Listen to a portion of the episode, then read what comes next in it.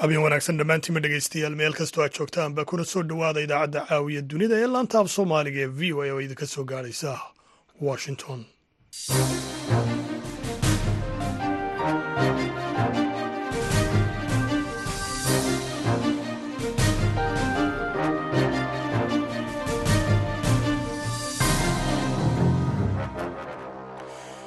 waa fiidnimo salaasaa taariikhduna ay tahay toddobiyo tobanka bisha januari ee sanadka laba kun iyo saddex iyo labaatanna waxaad naga dhagaysanaysaan moojadaha gaagaaban ee lix iyo tobanka iyo sagaal iyo tobanka mitirban iyo weliba guud ahaanba dunida o dhan ood nagala socotaan. Boggayaga v o a somali com. Haatan dhegaystayaal saacadda afrikada bari waxa ay tilmaamaysaa toddobadii fiidnimo idaacaddana waxaa halkan idinkala socotiin doonaani oo cabdixakiin maxamuud shirwa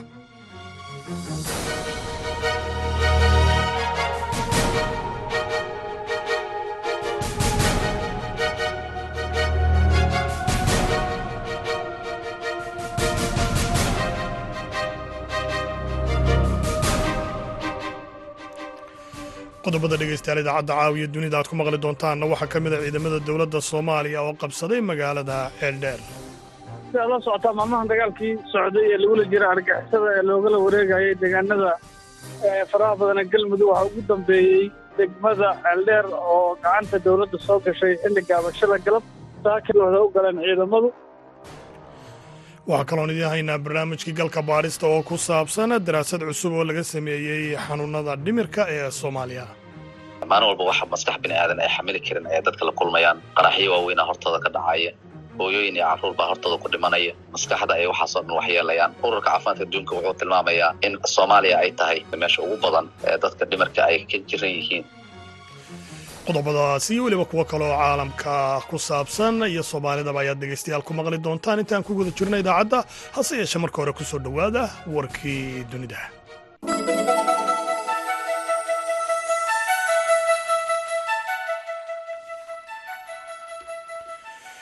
wafdi heerkiisii uu sarreeya oo ka socda dalka maraykanka ayaa toddobaadkan ku sugan taiwan. Si ay dib ugu soo celiyaan wadaxaajoodyada hindisayaal ganacsiyo cusub oo dhex mara maraykanka iyo weliba jasiiraddan iskeed isku maamusha wafdigan oo hogaaminayo terry mcartin oo ah kaaliyaha wakiilka ganacsiga shiinaha ee xafiiska wakiilka ganacsiga ee maraykanka ayaa taybey oo caasimadda taiwan gaadhay maalinnimadii jimcihii si uu u bilaabo afar maalmood ah wadaxaajoodyada hal abuurka ganacsiga ee maraykanka iyo weliba taiwan hindisahan ayaa dabooli doonaa koob iyo toban meelood oo ay ka mid yihiin. La dagaalanka musuq maasuqa beeraha ganacsiga adeegyada dijitalka deegaanka iyo weliba shaqaalaha.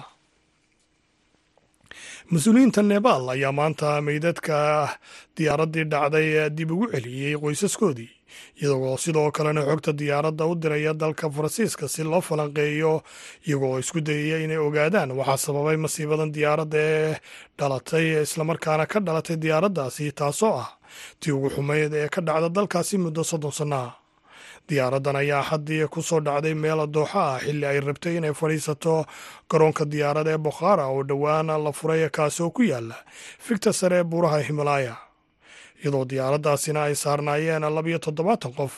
Waxaanay kooxaha waxbaaraya ay heleen codkii amaba sawaxankii diyaaradda markii halkaasi ay ku dhacaysay isniintii. Iyagoo salaasadan maantana ka gudubay waxyaabihii xanibayay si ay dib ugu bilaabaan inay soo helaan meydadkii u dambeeyey. Halkaasoo ay ka soo heleen qofkii u dambeeyey meel saddex boqol oo mitir u jirta dooxada. Iyagoo sidoo kalena isla wakhti hore oo salaasadan maanta soo helay laba qof oo kaloo meyda codka sanduuqa diyaaraddu ay duubtay ayaa lagu eegi doonaa gudaha dalkaasi balse xogta diyaaradda ayaa loo diri doonaa dalka faransiiska. Sida uu sheegay janathan nirula oo afhayeen u hadlay hay'adda duulista hawada ee dalkaasi nebaal ugu dambeyntiina dalka shiinaha ayaa sheegay in tirada dadkoodu ay sannadkii hore hoos u dhaceen taasoo noqonaysa hoos u dhicii horreeyey ee ku yimaada dalkan oo ah ka labaad ee ugu dhaqaalaha roon dunida xogtan oo uu maanta baahiyey xafiiska tirakoobka dalkaasi ayaa muujisay in sagaal milyan ama idhahda sagaal dhibic lix iyo konton milyan oo qof ay dhasheen sannadkii laba kun iyo labaiyo labaatan halka toban dhibic koob iyo afartan milyan oo qofna ay dhinteen taasoo ka dhigan in siddeed boqol iyo konton kun oo qof ay hoos u dhaceen tirada dalkaasi. Hoosu dhacan ayaa kii ugu horreeyey tan iyo aakhirkii amaba dhammaadkii sannadihii kun sagaal boqol iyo kontonaadkii xilligaasi oo asaasi maaw uu sameeyey tijaabo dhaqaale oo keentay macaluul xooggan oo ay halkaasi ku dhinteen malaayiin qof. Hoosu dhaca tirada dadkan ayaa keentay ayay keentaan idhaahdee siyaasaddii tobanaanka sannadood ka soo jirtay dalkaasi. Taasoo u xadidaysay qoys kastaaba inuu yeesho amaba uu dhalo hal ilmo oo keliyata walow dalkaasi shiinuhu uu dabciyey siyaasaddaasi sannadkii laba iyo lix tobankii intaasi kadibna uu soo saaray dhowr tallaabo oo ku dhiirigelinaya lamaanayaashu inay qoysas yegleelaan iyadoo dhiirigelinahaasi ay sameeyeen ay ka mid ahayd lacag naqad ah amaba toos ah oo ay siinayaan dadkaasi shiinaha gaar ahaan qoysaska. Dhegeystayaal warkii dunidana waa naga. Intaasi u diyaar garooba qeybaha kale idaacadda caawiyo dunida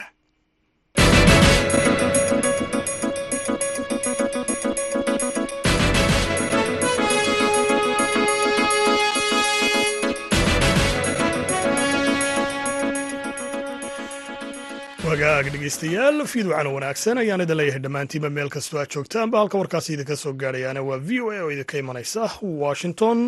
Aan ku bilownay ciidamada dowladda soomaaliya oo sii wada gulufkooga militari ayaa maanta qabsaday magaalada ceeldheer ee gobolka galgaduud. Sidaasina waxaa sheegay saraakiisha gaashaandhigga ee dowladda soomaaliya. Ciidamada dowladda ayaa shalay qabsaday magaalooyinka galcad iyo weliba xaradheere oo ka kala tirsan gobollada galgaduud iyo weliba mudug qabsashada magaalooyinkan ayaa wariyahayaga cabdiwaaxid macalin isxaaq. Waxa uu ka waraystay wasiirka warfaafinta ee galmudug abshir cabdi shiikow si aad la socotaa maalmahan dagaalkii socday ee lagula jira argixisada ee loogala wareegayay deegaanada faraha badana galmudug waxaa ugu dambeeyey degmada ceeldheer oo gacanta dowladda soo gashay xilli gaabashada galab. Saakii waxda u galeen ciidamadu. Baaritaan ayaa ku socda hadda oo laga baarayo walxaha qarxa oo runtii miinooyin u badan waxaana dhihi karnaa hadda si buuxda ay gacanta dowladda ku jirtaa ceeldheer ma jiraan wax iska horimaada oo ciidamada dowladdu ay la kulmeen markii ay gudaha u gelayeen degmada ceeldheer haba yaraatee ma jiraan wax dagaala oo la taaban karaa ma jiraan nimankan khawaarijta asaad ogtaaba waa aaday u daciifeen awooddoodina u soo koobantay? Mar kasta ay arkaan ciidamada huwanta ah si tartiiba la'aan ayay isaga baxaan magaalooyinka. Marka ma jiraan wax dagaalo halkaa ka dhacay. Galcad ceeldheer iyo xaradheere maleeshiyadii al-shabaab ee muddada ku sugnayd waa ay ka baxeen ciidamadii dowladdaana ku sugan halkay jiha ahaan aadeen maleeshiyadii al-shabaab ee deegaanada ka baxay. Farxadkooda waxaa laga sii sheegayaa inay u baxeen dhanka hawdka sida galhareeri jawle iyo ceelbuur dhankaas inay u baxeen sidoo kale wax yaroo koobanna waxaa laga sheegayaa dhankan caad iyo miliqo runtii ciidamada dowladduna way baacsanayaan way ku daban jirin.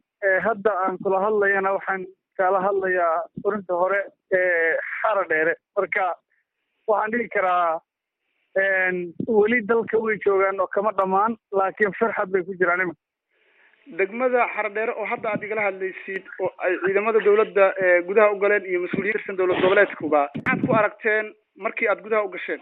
Runtii waxyaalaha la yaab kale ee aan meesha kula aragna waxay tahay in magaaladii xaradheere ee quruxda badnayd ee qadiimiga ahayd in badan dadka soomaaliyeed aad iyo aad ay soo jireen inay maanta u eg tahay dhul hawd ah oo malaha aadanba malaynaya inay magaalo tahay waxaa aada uga baxa geedyahuudka oo runtii magaaladii qariyey oo sida naloo sheegay oo warbixinta aan ku helaynana waxay ku amreen dadka degan magaalada inaan la jeri karin geedyahuudka sababana awgood oo ayagu ay ugu talagaleen malaha inay ka dhex dagaalamaan dadkii degmada haradheere ku sugnaa guud ahaan way ka baxeen horey uga baxeen ilaa iyo haddana ma jirto wax bulsho caadi ah oo ku dhex nool magaalada. Marka magaaladu way soo laaban doontaa dowladdii baa oo rajo fiican aan ka qabnaa waktiyada ugu dhow inay caadi ku soo laabato. Laakiin hadda aan kula hadlayo waxaa ku sugan madaxdii dowladda oo ugu sarreeya madaxweynaha dowlad goboleedka galmudug wasiiradii xildhibaanadii saraakiishii ciidamada kala duwneyd magaaladooda sibti wasiirkii gaashaandhigaas oo kala jooga federaalka. Waxaan dhigi karnaa marka xaradheere wixii hadda ka dambeeya waxaa looga tashan doonaa inay haddii ilaah yidhahdo hesho xuquuqdii ka maqneyd shan iyo tobanka sano waana rajaynayaa in dadkeedu ay ku naaloon doonaan insha allah. Waxaan u gartay sacaadatu wasiir in dadkii magaalada deganaa cidna ayna ogin gudihii degmada xaradheere dadka halkay aadeen? Waxay qaxiyeen intaan dawladda soo gaarin saad og tahaba maalmihii ugu dambeeyey ciidamada dawladda way ku soo socdeen xara dheere maadaama ay tahay magaalo istaraatiijiya qadiimi ah ciidamaduna ay runtii aad qalbiga ugu hayeen inay si degdega u qabtaan iyaguna intaasay diyaar garoobayeen dadka ka qaxinayeen miinooyin ku xirayeen. Dhammaan meel kastoo muhiim ay u arkaan in dawladdu ay soo gaari karto hadday ciidan tahay iyo hadday madax tahay shalay iyo maanta xalay waktigii dambe waxaa lagu hayay halkana baaris. Markay sayf noqotona madaxweynihii dowladda galmudug ayaa soo galay marka waxaan dhigi karnaa dadka ayaga hore uga qixiyey laakiin insha allahu saacaddan hadda aan kula hadlayo wixii ka dambeeya shacabku way soo geli karaan waana ku dhiirigelinaynaa waana ka qayb qaadanaynaa waagaaga dhegeystayaaalkaas wuxuu ahaa wasiirka warfaafinta galmudug abshir cabdi shiikow oo u warramaya waryahayaga cabdiwaaxid macalin isxaaqa. Dhinaca kalena al-shabaab ayaa weerar ku qaaday xero ay ciidamada dowladdu ku lahaayeen deegaanka xawaadley ee gobolka shabeellaha dhexe halkaasoo shan iyo toddobaatan kilomitir ka xigta magaalada muqdisho. Warbaahinta dowladda soomaaliya ayaa sheegtay in weerarkaasi ciidanku ay iska waabiyeen. Warbixintan waxay noo haysaa sahre cabdi axmed weerarkan al-shabaab ay ku qaadeen deegaanka xawaadley ayaa la sheegay inuu ku bilowday qaraxyo. Mid ka mida dadka deegaanka oo codsaday in magaciisa aan la sheegin sababo amni awgeed ayaa v o e da u sheegay in laba qarax lala beegsada xarunta markaasi kadibna uu dagaalka bilowday. Taliyaha ciidamada xoogga dalka soomaaliya sarreeye guuto odawaa yuusuf raaga ayaa warbaahinta dowladda u sheegay in koob iyo labaatan ka tirsan kooxda al-shabaab dagaalkaasi lagu dilay. Dhanka ciidamada dowladdana ay ku dhinteen shan askari oo uu ku jira taliyihii guutada saddexaad qaybta labaatan iyo toddobaad ee ciidamada xoogga dalka korneyl abshir maxamuud maxamed shataqi ururka al-shabaab ayaa dhinacooda waxa ay sheegteen in weerarkaasi ay ku dileen lixdan iyo saddex askari oo ka tirsan ciidamada dowladda. Sheegashada ururka al-shabaab si madax bannaan looma xaqiijin ilaa iyo haatan.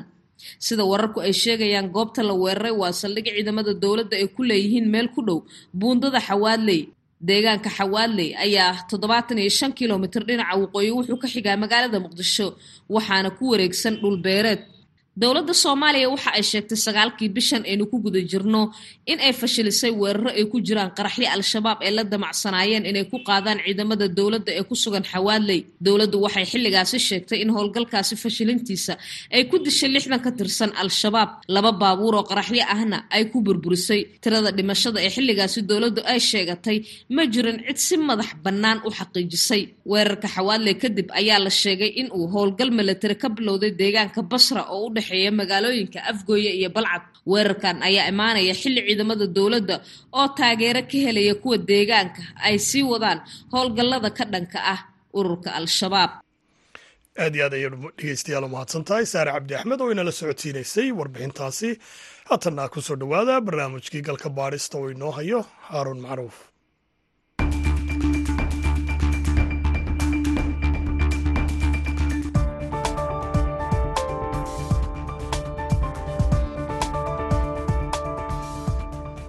daraasad cusub oo caafimaad oo laga sameeyey soomaaliya ayaa lagu ogaaday in dadka soomaalida ah ee qaba dhaawaca iyo tiiraanyada maskaxeed ay ka badan yihiin qiyaasihii hore loo bixiyey. Dagaalada sii socda xasilooni darrada siyaasadeed iyo tayada nololeed ee liidata ee ay ku nool yihiin awgeed.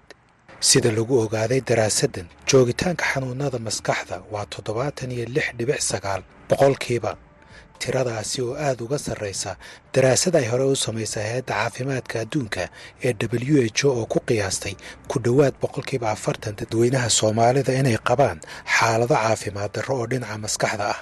Waxaa kaleoo daraasadda lagu ogaaday in xanuunnada maskaxda ay aad ugu badan yihiin da'yarta si ka badan sidii la filayey daraasaddan waxaa xogteeda laga soo aruuriyey toddoba boqol iyo saddex iyo toban qof oo ku sugan magaalooyinka baydhaba kismaayo iyo doolow aqlabiyaddan lixdan iyo siddeed dhibic hal boqolkiiba oo dadkaasi ka mid ah waxay da'doodu ka yar tahay shan iyo soddon sano. konton iyo siddeed dhibic shan boqolkiiba waxay ahaayeen rag.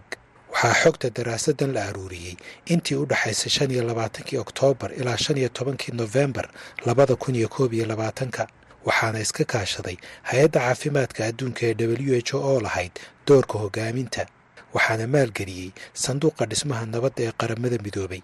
Waxaa kale oo ka qayb qaatay daraasadda sanduuqa carruurta qaramada midoobay ee yunisef wasaaradda caafimaadka ee dowladda federaalka iyo jaamacadda ummadda soomaaliyeed waa daraasaddii ugu horreysay ee nooceeda ah ee xog caafimaadka maskaxda ah ka aruurisa. Bulsho ay si gaar ah u saameeyeen dhibaatooyinka caafimaadka maskaxda oo isku eg ama isku nooc ah. Dalka soomaaliya arrintan ayaa mas'uuliyiinta caafimaadka ee daraasadda sameeyey ay aaminsan yihiin inay tahay mid laga walwalo sababtoo ah dadka soomaalida waxaa u badan dhallinyaro ay da-doodu ka yar tahay soddon sano sidoo kale shaqola'aanta dhallinyarada ayaa maraysa heerkii ugu sarreeyey dunida sida lagu ogaaday qiimayn ay sameeyeen hay'adaha qaramada midoobay. Daraasaddan waxaa hogaaminaysay hay'adda caafimaadka adduunka ee w h o xafiiskeeda soomaaliya. Doctor maamunuur raxmaan maalik waa madaxa hay'adda w h o ee soomaaliya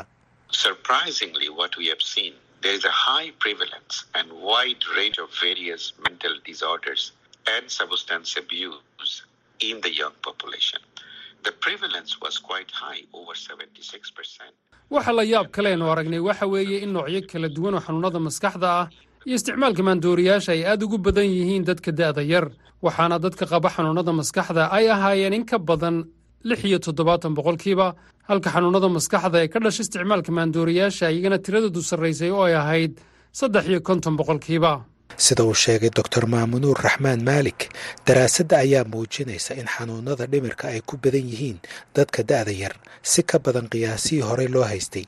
Tusaale ahaan daraasad ay hore u samaysay w h o waxaa xanuunnada maskaxda bulshada dhexdeeda ay ahaayeen. Boqolkiiba afartan dadka soomaalida inay qabaan nooc ka mid a xanuunnada maskaxda ama culaysyo kale oo nafsiyan ah natiijada daraasaddan waxay muujinaysaa aasaaska dhibaatada inay tahay xaaladda amni darre ee waddanka ka soo jirtay iyo duruufaha kale ijtimaaciga ah. Sida shaqola'aanta tusaale ahaan waxaa daraasaddan lagu ogaaday in xanuunnada maskaxda ee ka dhasha dhacdooyinka cabsida iyo argagaxa leh ay ku badan yihiin magaalada baydhabo. Baydhabo waa magaalo ay sidoo kale aada ugu badan yihiin dadka ka soo barakacay colaadaha iyo abaaraha doctor maamunuur raxmaan maalik ayaan weydiiyey. Waxaa sida gaarka ah u walaac geliyey. Marka la eego natiijada daraasaddan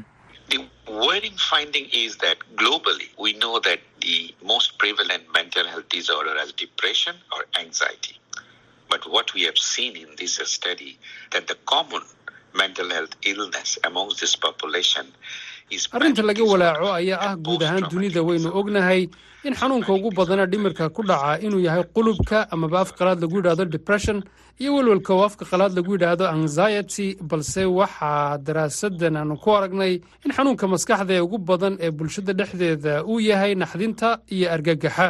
Naxdintu waa sagaal iyo soddon boqolkiiba halka xanuunka maskaxda ee ka dhasha argagaxa qofka uu la kulmay uu yahay toddobiyo soddon boqolkiiba. Dhibaatadani waxay haysataa da'yarta waxaa kaleoo muhiima oo aan fariir leh waxa weeye inaanay jirin adeegyo wax looga qabto xanuunadan. Qiimaynta iyo walaaca ka muuqda natiijada daraasaddan waxaa mid la mid ah qaba wasaaradda caafimaadka ee dowladda federaalk soomaaliya oo ka qayb gashay daraasaddan doctor cali xaaji aadan waa wasiirka caafimaadka ee dowladda soomaaliya. Caafimaadka dhimarka dalka ee soomaaliya aad buu u hooseeyaa. Muddo badan ayaa lagu jiray dagaalo faqri iyo cabsi iyo xasilooni la'aan ayaa muddo badan lagu jiray iyo baagamudo iyo shaqa la'aan. Waxaasoo dhan waxay sababayaan maaragtay dadka maskaxdooda inay wax gaaraan. Maalin walba waxa maskax bini aadan ay xamili karin ee dadka la kulmayaan. Qaraxyo waaweyna hortooda ka dhacaya hooyooyin iyo carruur baa hortooda ku dhimanaya. Maskaxda ay waxaasoo dhan waxyeelayaan ururka caafimaadka adduunka wuxuu tilmaamayaa in soomaaliya ay tahay meesha ugu badan ee dadka dhimarka ay ka jiran yihiin inay tahay soomaaliya ay tilmaamayaan. Waxaad ii sheegtaa marka qaybaha bulshada uu ugu badan yahay xanuunkani waa kuwee? Sababtuna maxay tahay dhalinyarta horta oo maarata qayb weyn ka ah dadka dhimirka maaragtay waxyeelo ka gaarto. Qofka dhalinyarta asigoo hami leh mustaqbal hiigsanaya markii hamigiisi iyo himilooyinkiisi uu la kulmi waayo shaqo uu waayo culaysyo badanaa soo wajahaya waxaa laga yaabaa inay bartaan maandooriyaasha dawooyinka maanka dooriya inay bartaana laga yaabaa. Marka bulshada qaybaha ugu badan oo saameynta ay ku yeelata dhalinyarta ka mid ah. Arrintaa maandooriyaasha ku saabsan dhibaato badan baa laga sheegaya beryahan. Hadday tahay isticmaalka daawooyinka oo si xun loo isticmaalo kiniiniyaal waddanka soo gala tubaako tabuu la yidhaahdo oo waddanka ku soo badatay khamri bal ka hadal dhibaatadu intee bay la eg tahay? Maxaa daraasadood ka samayseen dhibaatada oo maaragtay maandooriyaasha aad bay u ballaaran tahay. Dhalinyartii waxay aad u isticmaalaan waxyaabaha ama tramadolka iyo ha noqdaana opioidiska dawooyinka la yidhahda ha noqdaan ama maaragtay iyo morfinka ha isku duraana ama maaragtay kanin ahaan ha u qaataan. Ama ha noqdaana waxyaabahan kale ee maaragtay addictionkana keenaya caafimaadkana aan u fiicneen taabuga iyo sigaarka iyo ay ka mid yihiin qaadkii ha noqoto. Aad bay u soo badatay sanadahan dambe waxaa la dareemaya inay aad ugu soo badan tahay. Dhalinyarta way isku daysanayaan qof walba wuxuu leeyahay markii uu fikiro oo shaqana uu waayo dhaqaalana uusan haynin sabortina uusan helin waa isku maaweelinaya murugada ayaan isku ilowsiinaya ayuu qof walba leeyahay waxaa arkaysaa marka dhalinyaro badan oo mustaqbal laheed ama jaamacado dhiganayay oo maaragtay drop out uu ku dhacayo saaqiday ayaa la arkaya oo nolosha ka dhacaya la arkaya. Dhibaato aad u weyn waaye. Kuwa jididka dhexdooda iskula duraya ayaa la arkaa ayaga oo cirbadii markaa xataa aan nadiif aan ahayn isticmaalayo jidka inta cirbad ka soo qaataan isku duraayo taas oo halis kale keenayso ah in h i v cudurrada iyo hepatitis b-ga in la qaado keenayso. Marka aad bay u badan tahay dhibaatada tirada korodhe ee dadka qaba nooc ka mid ah noocyada kala duwan ee xanuunada maskaxda waxaa laga dareemi karaa bukaanka imanaya xarumaha caafimaadka dhimirka. Mid ka mid a xarumaha caafimaadka dhimirka ee dhowaan laga furay magaalada muqdisho waxaa maamula doctor liibaan maxamed cumar. Waxa uu bukaanka ku qaabilaa xaruntiisa lagu daweeyo xanuunada dhimirka ee lagu magacaabo liibaan boloclinic and psychiatric center.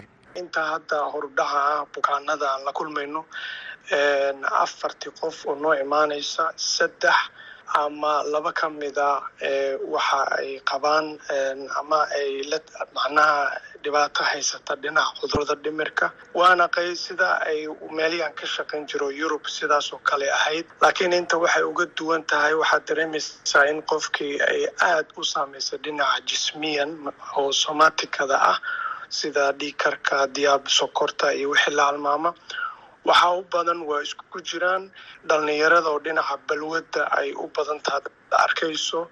Sidoo kale saameyn balwadaasu ay samaysay ay abuurtay dhinaca psychoticada ama perceptionka aragtida qofka.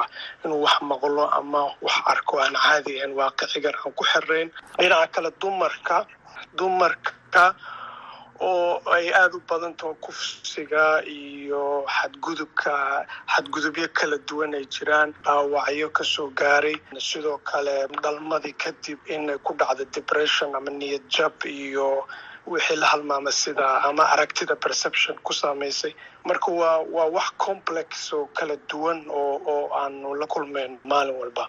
Wacyiga dadka ee xanuunada maskaxda intee buu leegyahay arrin dadku ay ka warqabaan oo dhibaatadeeda ay ogyihiin oy doonayaan in la daweeyo miya mise weli waa wax lala dhuunto qofku uu qarsado? Bal ka hadal iyo arrintaas wallaahi walaal runtii dhibaatada ugu weyn ugu weyn waa aqoon xumada oo dadkii aqoontii dhinaca caafimaadka cudurrada dhimirka inay aada ay u yar tahay. Taasna ay keenayso in ay dadkii raadsadaan dabiibadii amaba kahortageediiba marka waa dhibaato weyn oo jirta taas. Dhinaca kalena qofkii u dhibanaa dad badan oo dhiban ay jiraan in ay stigma ama takoorid ay dhaawacii u qabo qofkii in looga sii daro wixii yar wax yar oo fududaa in qofkii maaragtay dhibka weyn loogu sii geysto oo lagu sii takooro dhibaato weyn oo saameyn ku yeelato bulshadii habdhaqankii iyo jiritaankii qofkii oo dhan. Heerna ay gaarsiiso qofku inuu naftiisa isdhaafiyo ama khatar ku noqdo bulshada inteeda kale. Miyaad aragtaa dad halis ku ah naftooda miyay badan yihiin wax la arka miyaa u muuqda? Ha ha way way way jiraan waana waxa keenana waa cudurrada qofka markii uu aragtida nolosha waaqiciga uu ka baxo codod mar walbaba maqlayo khatar ku ah naftiisa.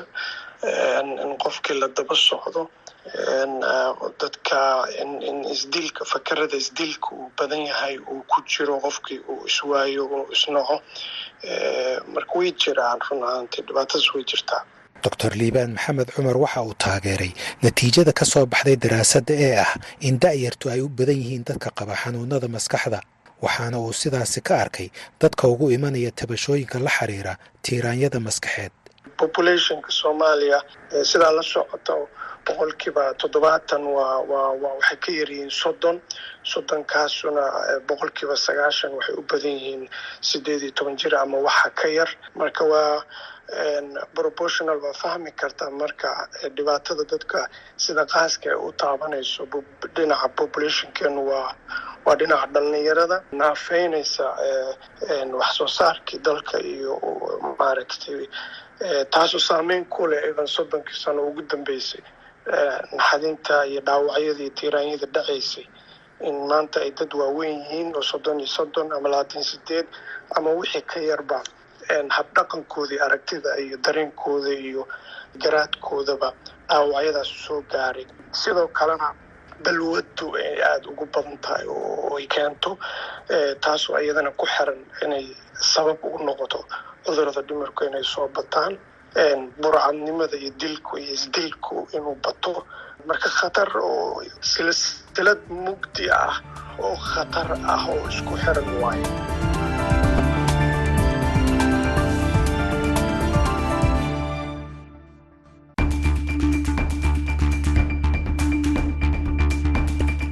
waxaad naga dhagaysanaysaan qaybta afka soomaaliga idaacadda voice of america. Barnaamijkuna waa galka baarista oo aan kaga hadlayno daraasad cusub oo laga sameeyey xanuunnada dhimirka ee soomaaliya.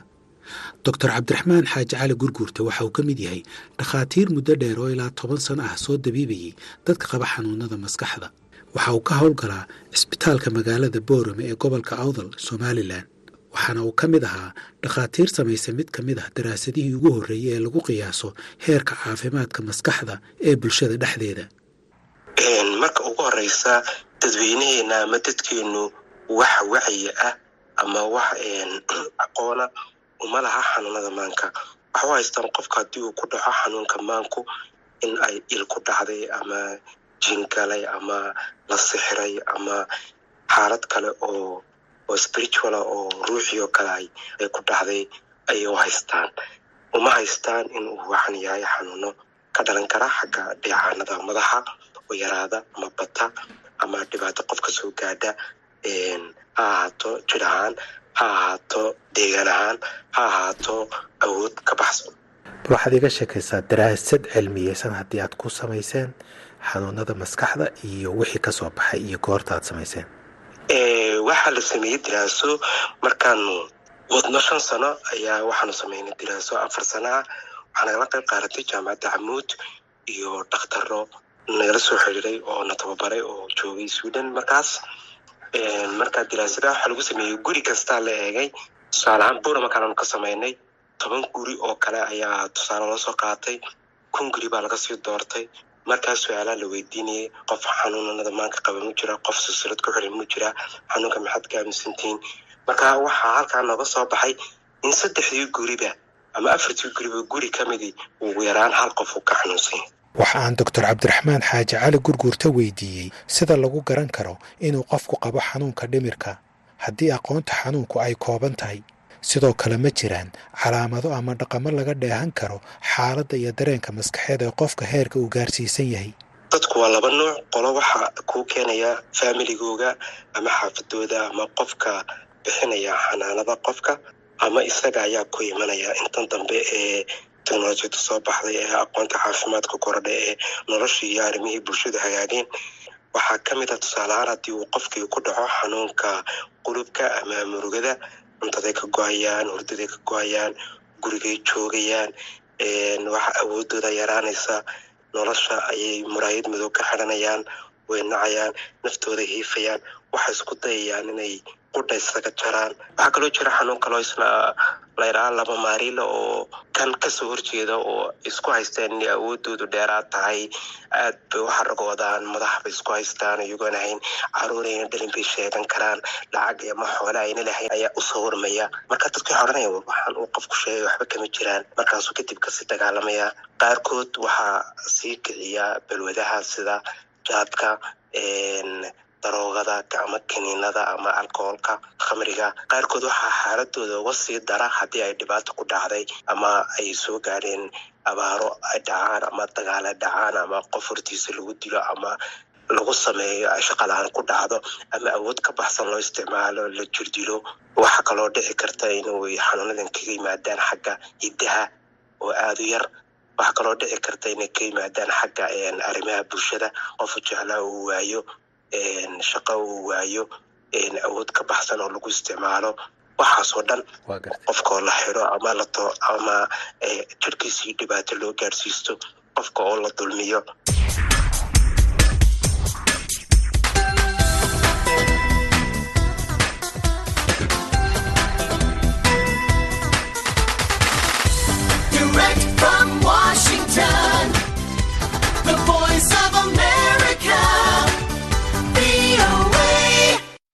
fiid wanaagsan dhegaystayaal ku soo dhowaada barnaamijka caweyskala dhaab oo idinkaga imaanaya laanta afka soomaaliga ee v o a radiowga xeryaha dhadhaab ee gobolka waqooyi bari.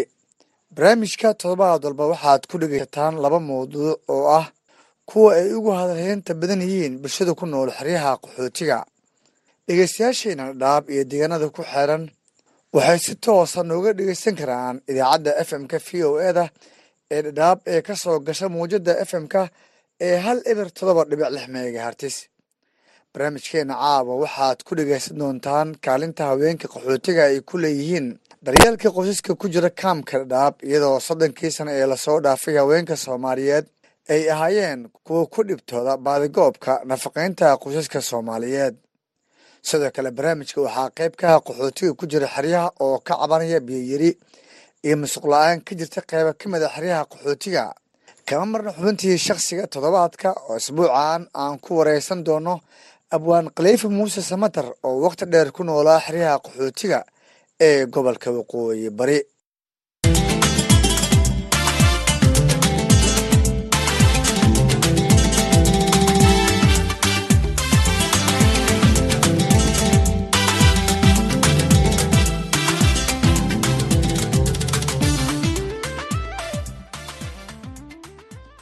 barnaamijka waxaa idinla socodsiinaya anigoo ah cabdisalaan axmed cabdisalaan salas waxaana caawa ku bilaaban doonaa haweenka soomaaliyeed ee wakhtiga dheer qaxootigu ku ahaa kaamka dhadhaab ee dalka kenya. Ayaa duruufo adag iyo nolol qaxootinimo ku koriya carruurta qaxootiga ku ah tan iyo bilowgii sagaashamaadkii iyadoo haweenkan qaxootiga badankood ay buuxiyeen kaalin u muuqata in ay ka gaabiyeen ragga soomaaliyeed waxaana jira dumar badan oo qaxooti ah oo korinaya carruur agoon ah iyo kuwo kale oo burburka qoyska uu saameyn ku yeeshay kuwaas oo dusha u dhigtay mas'uuliyadda carruurtooda iyadoo haweenkan ay ka shaqeeyaan shaqooyin adag sida iibinta caanaha qudaarta iyo maqaaxiyo shaaha lagu cabo iyo shaqooyin kale si ay u soo dhiciyaan masruufka carruurtooda qaxootiga ah magacayga waxaa la dhahaa calasahaan baa dhimbil xarooyinka dhadhaab gaar ahaan dhagaxley. Naintituugi baan imaanay. Ilaa abtunaaw halkaasaan hakad ku nahay waxaan soo jireenka qaxootiga dhib walbo ee ku imaada qaxootinimada ka qayb qaatay. Ilaa haddana halkaas ayaan ku sugaynaa farxadaanadi maxay aheeda waxaan hooyooyin iska dhibaataysan. Xarada qaxootiga ee maxay aheeda dalka kenya masaafur ku ah. Wadankoodii sagaashan iyo labada ka hor ee ugu dambeysay barnaamijyada iyo farxadaha iyo guulaha faraha badan aanan ka qayb qaadanin. Dalka kenya soddon iyo shan sano ayaan ku noolnahay weliga anagana ganacsi umaanan dhexmarin daryeelka qooskayga waxaa waaye ilmihii carruurtayda anigu aabbahooda iga cajisay. Aabbihii hadduu iga cajisay iga xanuunsada wax itaa kuleeya dalkii dibadda ii jirana ma jiraan. Annaga dhanna dalka ayaan ku noolnahay. Waxaan marka aniga aan aan ka helay niyadayda ama garaadkayga inaan ilmahayga biil u soo dhacsado. Alxamdulilah rabbilcaalamiin saas darteed ayaan suuqa u imaaday. Waxaan ka shaqaysanaa xoolo aan caddayno. Mooska gaarida keentaan kala degnaa cambaha waan kala degnaa. Shayga labaatan noogu fadhiyo labaatan iyo shanaan gadanaa shantaas shilin labana kiradaan iskaga dhiibnaa. Saddex shilinna qoyska ayaan ku biilanaa waa tahay. Waxaad noo sharaxdaa qaabkii shaqada aad ku bilowday oo suuqa aad soo gashay? Shaqada waxaan ka bilaabay gabar oo suuqa iiga horreysay in badan oo suuqa taqaanay ee shaqada. Aad u taqaanay isnaqaanay ayaan u bilaabay. Anoo hooye ah oo shaqaalo u noqday oo yoomiye laba boqol inaan ka qaatay ay danta igu kalliftay labadaa boqol ayaan iskaga bixin jiray ayuuta maalin dhaaf ah. Laba boqolna meel ayaan dhiganay laba boqolna qooskayga ayaan qudaarta ugu gadani jiray. Kadib koob iyo toban sanaa suuqa saas ku dhex joogay. Maalmihii ka dambe waxaan sameeyey barnaamij madax bannaan inaan helo isku dayay. Guryo oo maxay iska cidlo aan kiraysanay annagoo dumar dhibaataysanay afar afaraan iskugu gudnay kiradayaan isku aruursannay baqaaradii baan sidii u degnay sidaas ayaan ganacsiga maxay aheyd aan ugu yeelannay caruurtayda afar iyo toban canug waaye laba ay midhikaal yihiin midna uu yahay kalayfood midna uu yahay qaybta maskaxda. Maasha allah hooyooyinka ee suuqa dhex wareeganayna waa ila mid waa kuwa ana iga sii liita iyo kuwa ana ila mid a waaye. Marka maasha allah annaga nolosheenna waa taa. Danka ayaan ku noolnahay sidaas ayaan ku maaraynaa qoosaska ee caruurahana annaga ku ilaashanaa waxaan leenahay dhallinyaro inaan wadanka aan maxay ahayd gudihiisa inayna ka bixin darteed ayaan inaan u shaqayno gabdho annagoo kale aan u xaaqno badka aan ugu kaliftay taa aan ku noolnaha taas weeye. Saasaana ku soo dhexsanaa hooyooyin doorka ugu weyn ay ka qaadataa carruurta waa loo shaqeeya hooyooyinka ma hurdaan qaar waxay sameeyaan jabsi qaar waxay gadaan baradho qaar waxay gadaan moos qaar waxay gadaan cambo. Nin meel fadhiyo ma jirtaan. Hooyo hurdayso ee soo kacaysa ma jiraan. Marka alxamdulilah waxbarashadaan ku maarinaa buuggaan gadnaa qalinkaan gadnaa iskuulladaan tagnaa waxbarashadaan ogaanaa dabagalaan ku samaynaa carruurta barnaamij kale ee wax walba ee hooyo iyo carruur dhibaatada haysata adduunka waxaa ka jira hooyooyinka annaga unbay dushaanada ku soo degaan aad bay u mahadsan tahay taasna waxay ahayd calaso hamba dhimbil oo igu warantay gudaha xeryaha dhaab ee gobolka waqooyi bari dhinaca kale dumarkan qaxootiga ayaa qaarkood shaqada caruurnimada ku bilaabay si ay u garab istaagaan waalidiintooda oo qaxootigii ku noolaa si ay kaalin ugu yeeshaan nafaqaynta qoyskooda.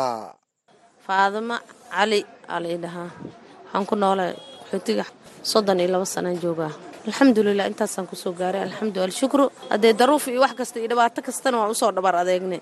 Haddana hooyo caruurteeda u shaqaysanaysa ahay. Markaasna waxaan ahay gabar. Garmaa shaqa bilowda faadimo ana nineteen ninety onkii aan bilaabay shaqada. Toban jiraan ahay markaan shaqada bilaaway.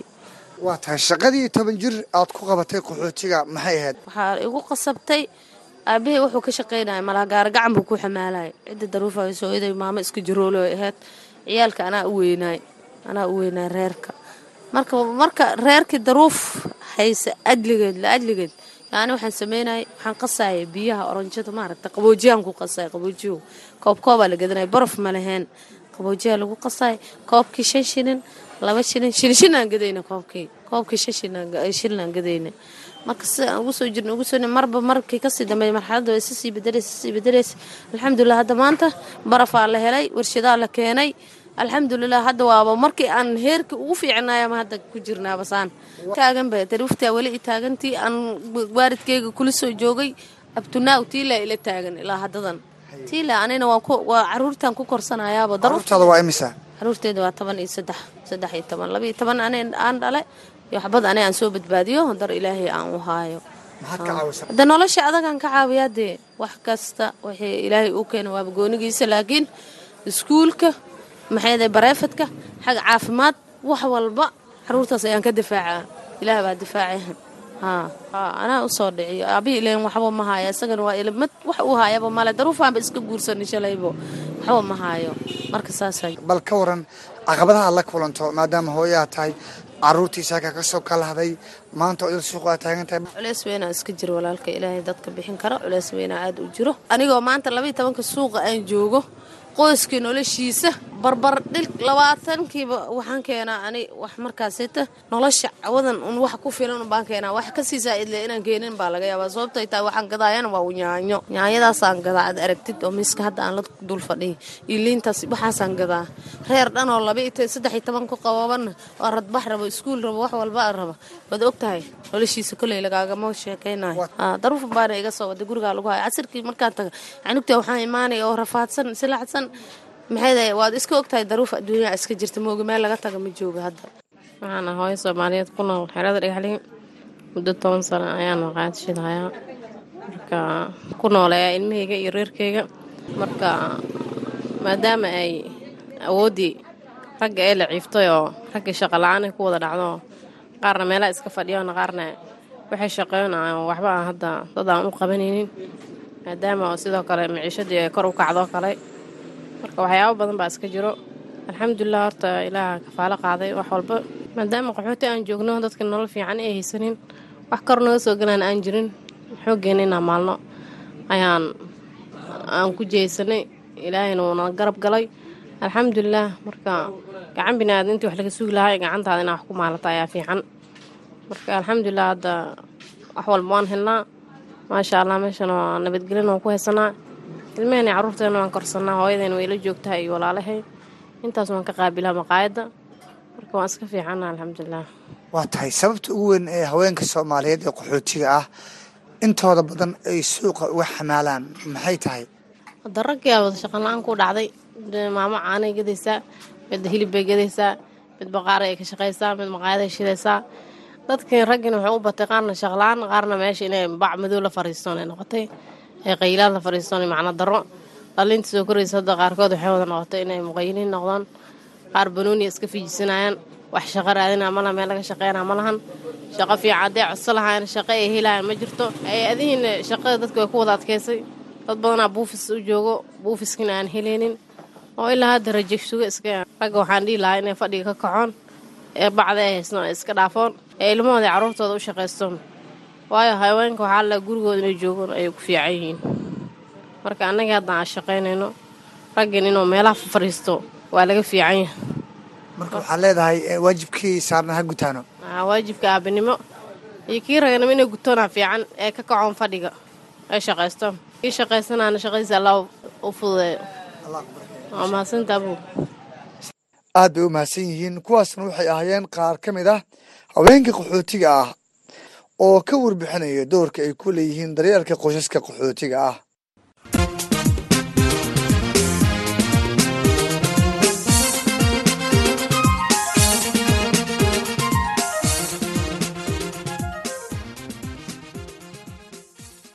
dhegeystayaal waxaan dhexda kaga jirnaa barnaamijka caweyska dhadhaab qeybihiisa dhexe waxaa noo soo socda xirmooyin kale oo xiise leh oo barnaamijkeena caawa qayb ka aha balse aan idinku wareejiyey saaxiibkay axmed cabdulaahi jaamac axmed deere oo istuudiyaha igula sugan si uu noogu soo tabiyo barnaamijka qeybihiisa kale.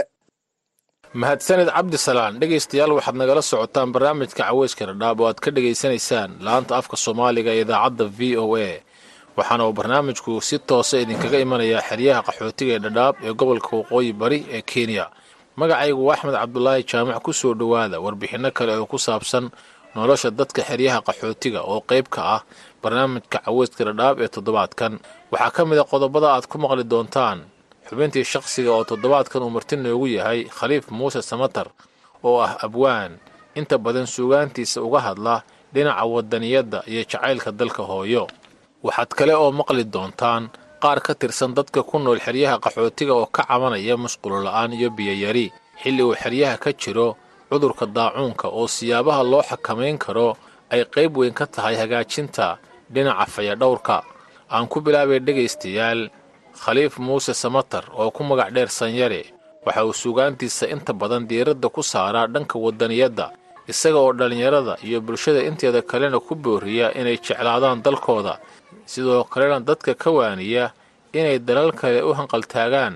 Abwaanku waxuu waraysiga ku bilaabayaa halka ay xilligan kala marayaan dadka soomaaliyeed iyo wadaniyaddu aragtidiisa. Wadaniyadda waxa weeye horta waxaan u malaynayaa anigu soomaalida. Yacnihii maaragtay ilaahay ha iga dhaafee u malayn maayo wadaninimo wax la yidhahda inay fahmayaan. Sababtoo ah waxaa weeye wax walba waan ku dayey wax walba waan ku dayey waxaa weeye waxaan garan la'ahay ilaa hadda wadanininimadii meeshay ka martay. Marka waxa weeye aniga waxaa hadda yacnihii soomaalida ugu jeclaatay intii suugaan aan tirinayey weligay iyo allahay anoo qabiil ka hadlaya ama urur ka hadlaya ama koox ka hadlaya lama arag. Waxa weeye soomaalinimada unbaan ka hadlayey u n-na xeryaha qaxootiga waxaa weeye inta la ii yeedhay baa layidhi adduunka meeshaa doonto aanu kuu diraynaaye naga daacayda waxaan idhi adduunka anugu maba rababa inaan adduun kala aadeen. Qaxootigan la silcinayo un ha laga daayo ee loo karinaya maaragtay qabandiga iyo loo keenayo galleyda. Dadkii waxay u haqaltaagayaan waddamo kale. Inay dhoofaan bay rabaan waddanka inay ka tagaan bay rabaan. Qof ku fikeraya dalkii inuu ku laabto waddankeennii uu ka qayb qaato dibdhiskiisii iyo nabadgelyadiisii way yar tahay. Dhallinyarada aad ula hadashaa oo aad ka waanisaa waxyaabahaas. Waddooyinka aad u martid inaad dhallinyarada ka wacyigelisid inay waddamo kale u hanqaltaagaan aadna ku wacyigelisid inay waddankii ku laabtaan. Waddooyinka u marta maxaa ka mid a waxaa ka mid a dhallinyaradu horta waxaa weeye qaxootigan markaan joogo gabayadu way fara badan yihiin. Inkastoo hadda waxa weeye aanan dee soo koobi karin. Laakiin kii iigu dambeeyey hadda gabay weliba muu ahayna wuxuu ahaa yacnii geeraar buu ahaa gabay ahaan ah.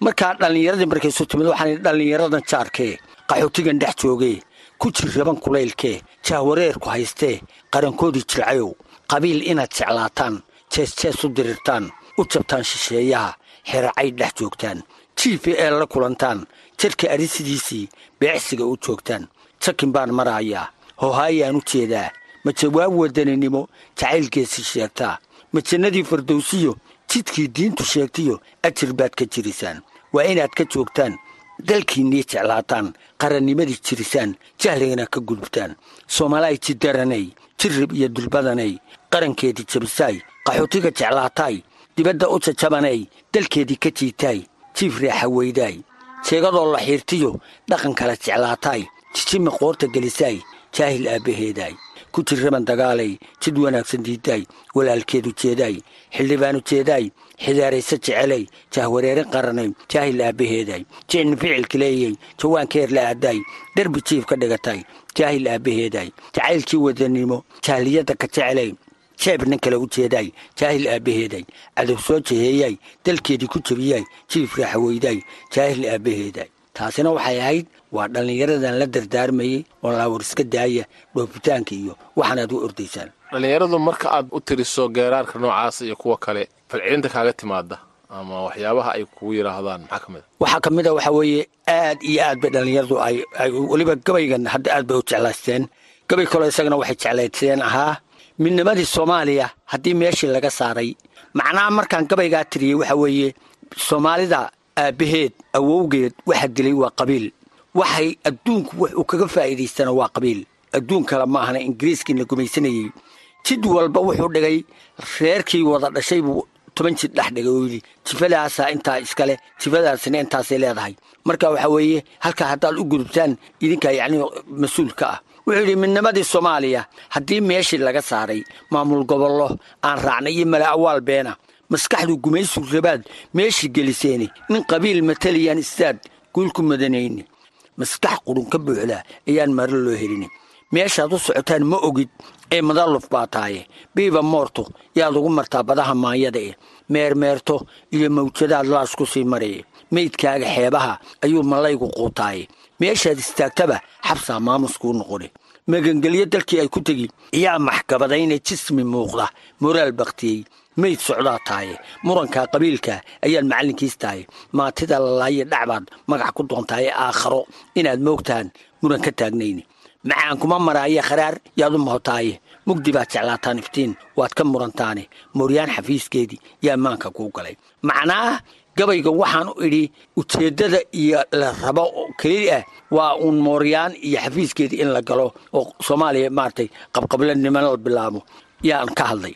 Mid kalea isaguna gabay kalea iigu xigay oo ahaa waaniya wax sheeg. Waa horay wada dhammaadeene wacdii hadduu ku geli soomaaliyan warafka qaadeene waa yeelka kaa furan agooyu waxba wahayna qarannimo ninkii wiiqayaan garan waxay tahaye wuxuu qiima moolaa qabiil aan waxba u qabane warqajila dadkiinnii wakaa wada qaxootiye wasiir baa rabaa iyo ku-xige weydaa kuu darane qarankii ka weynaa wakaa jagad ku weydeene wanaag dawla kii garan kursiga kuma wareereene weji muuqda xildhibaan warrami waannu aragnaaye waxba kama jiraan baa ku xiga waaga berigiiye wareer wuxuu ku dhacay waa kuwa adi wax kaa sugiye beelihii wakiil kaa dhigtay waridu haysaaye wargeysyada adduunyada ayaa ceebta kuu wadhaye wanaag niman jeclayn baan arkaa oo wasiir rabe. Eh wuxuu doonayaa waa inaa qaran la waayaaye wacad beenabuu kula galiyo. Wallaha aan jirine ha ka sugin wanaagiyo inuu dowlad ku wada eh walaalayaal wax badan baad xumaan weheshanayseene waxa aad ka dheeftaani waa walaal la gowracee walaacaad badeen somalilan waaga kaa hadhine warwaantooba dadkiinnii wakaa waaye sharaftiye xildhibaan isweydaysan oon weedha kala qaadan. Wax dil iyo waxdiid keli kuwaa waaga garanaya wax inay mateli kari bulshada yaa warkood sugiye.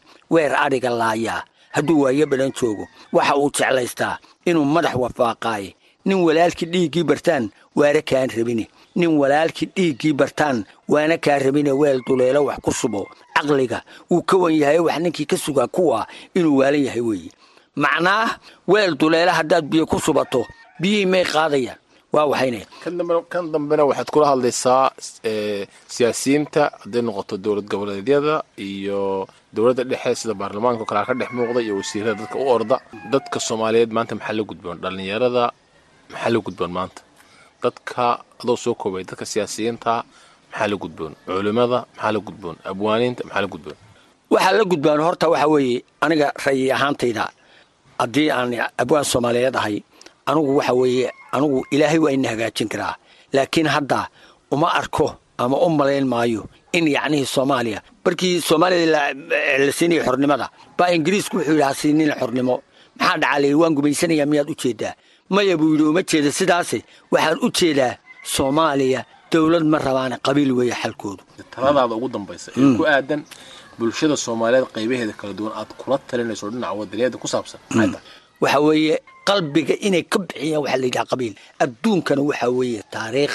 Kolley waxa weeye iga xusuusta inta i dhegaysata ama i maqashaay waxaan ku idhi haddaad qalbiga qabiil gashato oo aad nin ku doorato ama ku raacdo aakharana weji kaama horeeyo adduunkana ku heli maysid guul iyo faa'iido doona. Maxaad guul ku helaysaa in aad ninkaas tiraa ninkanaa wax qabanaya inaad jeclaato ood raaxato kaasi waxa uu ahaa abwaan khaliif muuse samatar oo marti iigu ahaa xubinta shakhsiga oo qayb ka ah barnaamijka caweyska dhadhaab ee toddobaadkan. Dhanka kale dadka ku nool xeryaha qaxootiga ayaa ka cabanaya in aanay haysan musqulo ayna aad u yar yihiin biyaha ay helaan maalintii. Dadku waxay sheegayaan in aan in muddo ah la siinin musqulo kuwii horena ay ka buuxsameen. Dadka qaar oo uu saameeyey cudurka daacuunku ayaa u saabeeyey inay cudurka ka qaadeen feedhowrxumo ka dhalatay musqulaha oo buuxa. Jibriil jimcaale yarkow oo uu cudurka daacuunka ku dhacay bishii diseembar ayaa sheegay in nadaafad xumo ay sababtay musqusha gurigiisa oo buuxda uu aaminsan yahay inuu cudurka ka qaaday. Niyo musqulaha inta u badan horta waa ay buuxaan wakhti dhowna musqul ma soo baxan. Hay'adaha waxay ka caawinayaan bajetlaan inay jirto. Yaa laga caawinhayaa laakiin wax baan rajaynayna ilaa hadda xoogaa rajada ma xumo. Laakiin bajet la'aan ayaa laga caawinayaa waxooga dhaqaalaha hay'adaha musqushaynu macnaha haddii waa xoogaa yaro buuxda macnaha musqushaas macnaha xoogaa macnaha xoogaa yaro dhiliil eh meel kale hadda wax iga imaadeen oon garanayo ma jirto oo nadaafad xumo camal xoogaa nadaafad darrama macnaha dareemaayay sababtoo ah musqushaas xoogaa ur ur iyo waxay ka muuqdaan xoogaa yaro buuxday marka musqushaas xoogaa macnaha inay sababtay xanuunka uu keenay yaa macnaha ayaan dareensanahay dhowr jeer hadda kahor waa tegay laakiin aniga horta waxaan ahay macnaha blog leader ahay gudoomiye ahay blogo waxaan ogahay xoogaa hay'adda. Waa dhaqaale xuma ay sheeganahayaan. Geesta kale dadka ayaa cabasho ka muujinaya biyaha ay helaan oo aad u yar oo aan daboolin baahiyaha dhinaca biyaha ah ee ay qabaan. Nadiifa bitow malow oo ka mida dadka ku nool xeryaha qaxootiga ayaa sheegtay in afar iyo labaatankii saacba ay hesho lixdan litir oo biyo ah kuwaasoo sida ay xustay aan ku filayn qoyskeeda. Waxay kale oo sheegtay inay musqushii ka buuxsantay muddo toban sano oona aan la siin wax musqula. Biyaha aad ayay noogu xiyihiin maalintii saddexa baan helnaa maalintii kale waan ku qadnaa. Meelaha kale guduuda iyo meelahaas ayaan ka soo dhaansanaa. Biila-aan ba'an ayaa ka jirto. Maalin dhaaf ayaan saddexaba u dhaansanaa. Biila-aanta dhibaato ba'an ayay nagu haysaa oo saa'id ah marka guduuda iyo meelahan ayaan iskaga dhaansanaa. Waayo saddex caag. Reer oo ilmo joogaanoo xaalad kasta ay ku imaan karto ma anfacayso marka hay'adda waxaan ka codsan lahayn inay iyadan biyaha noo soo kordhiso ee noo dadaasho biyaha xaggiisa. Dhanka kalena musqusha xaggeedana aad ayay noogu xuntahay ani hadda sidaan musqul ma haysto musqusha aad ayay iigu xuntahay waayo musqul maro ayaa ii dhisan. Koob iyo toban sano ayaan deganahay meeshaan. Ilaa haddana wax musqule ma helin. Hal mar bisay musqul isiisay kadib musqul la'aan ayaan ahay. Musqul mara mara gudaan iska fafaagtaa mara ayaan ku xiray bishii diseembar nadiifo wiilkeeda faysal oo saddex jira waxaa ku dhacay cudurka daacuunka. Waxay qabtaa in xanuunkaasi uu ka qaaday nadaafad xumo ay sababeen biyayarida iyo musqusha oo buuxda. Koley xanuunka meeshuu ka qaada ilaaha garan karo. Aniga soo xanuunsaday unbaan arkay ilaa waxaan u malaynaya inay nadaafad dhanka musqusha xaggeeda nooga imaaday. Ayaan dareemi karaa. Waxaan ka ogaaday inuu cunuga laba jeer iyo saddex jeer markuu matagaba uu gadaalna ka baxay inuu hindhaha gidiyey uu xaalad adag uu galay aan ka fahmay inuu cudurka qabtay. Kadib waan soo qaaday emerjensigaan keenay. Emerjensigaa laga soo gudbiyey intaa laga keenay alxamdulilah dhowr bire maanta toddobiya intaan ku jiro. Alxamdulilah haddana sidaan ku keenay sida haddii yahay isma laho. Xanuunka looraha ilaaha naga qabta waa cudur halis ah. Waxaa looga hortari karaa nadaafadda. Waa in wasaqda laska fogeeyaa ilmaha markay musqusha ka soo baxaan iyo waxaas gacmaha laga dhaqo. Markay dugsiga ka imaadaan gacmaha laga dhaqo ee aad ilmaha nadaafadooda loogu dadaalo ayaa looga hortegi karaa waayadii dambe waxaa gabaabsi ahaa hoyga iyo musqulaha la siin jiray dadka ku jira xeryaha qaxootiga waxaana ay hay'adaha samafalku tallaabadaa ku macneeyeen dhaqaalo xumo soo wajahday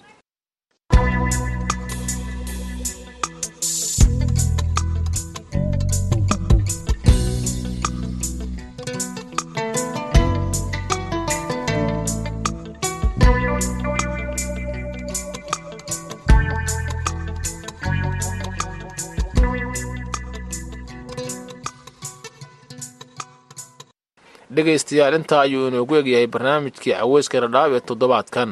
Aan mar kale dib idiinku celiyo intaanan ka bixin cabdisalaan axmed cabdisalaan salas oo barnaamijka ila daadihinaya. Mahadsaned axmed cabdilaahi jaamac axmed dheere dhegaystayaal haa tanna nagula nasta heesta toddobaadka.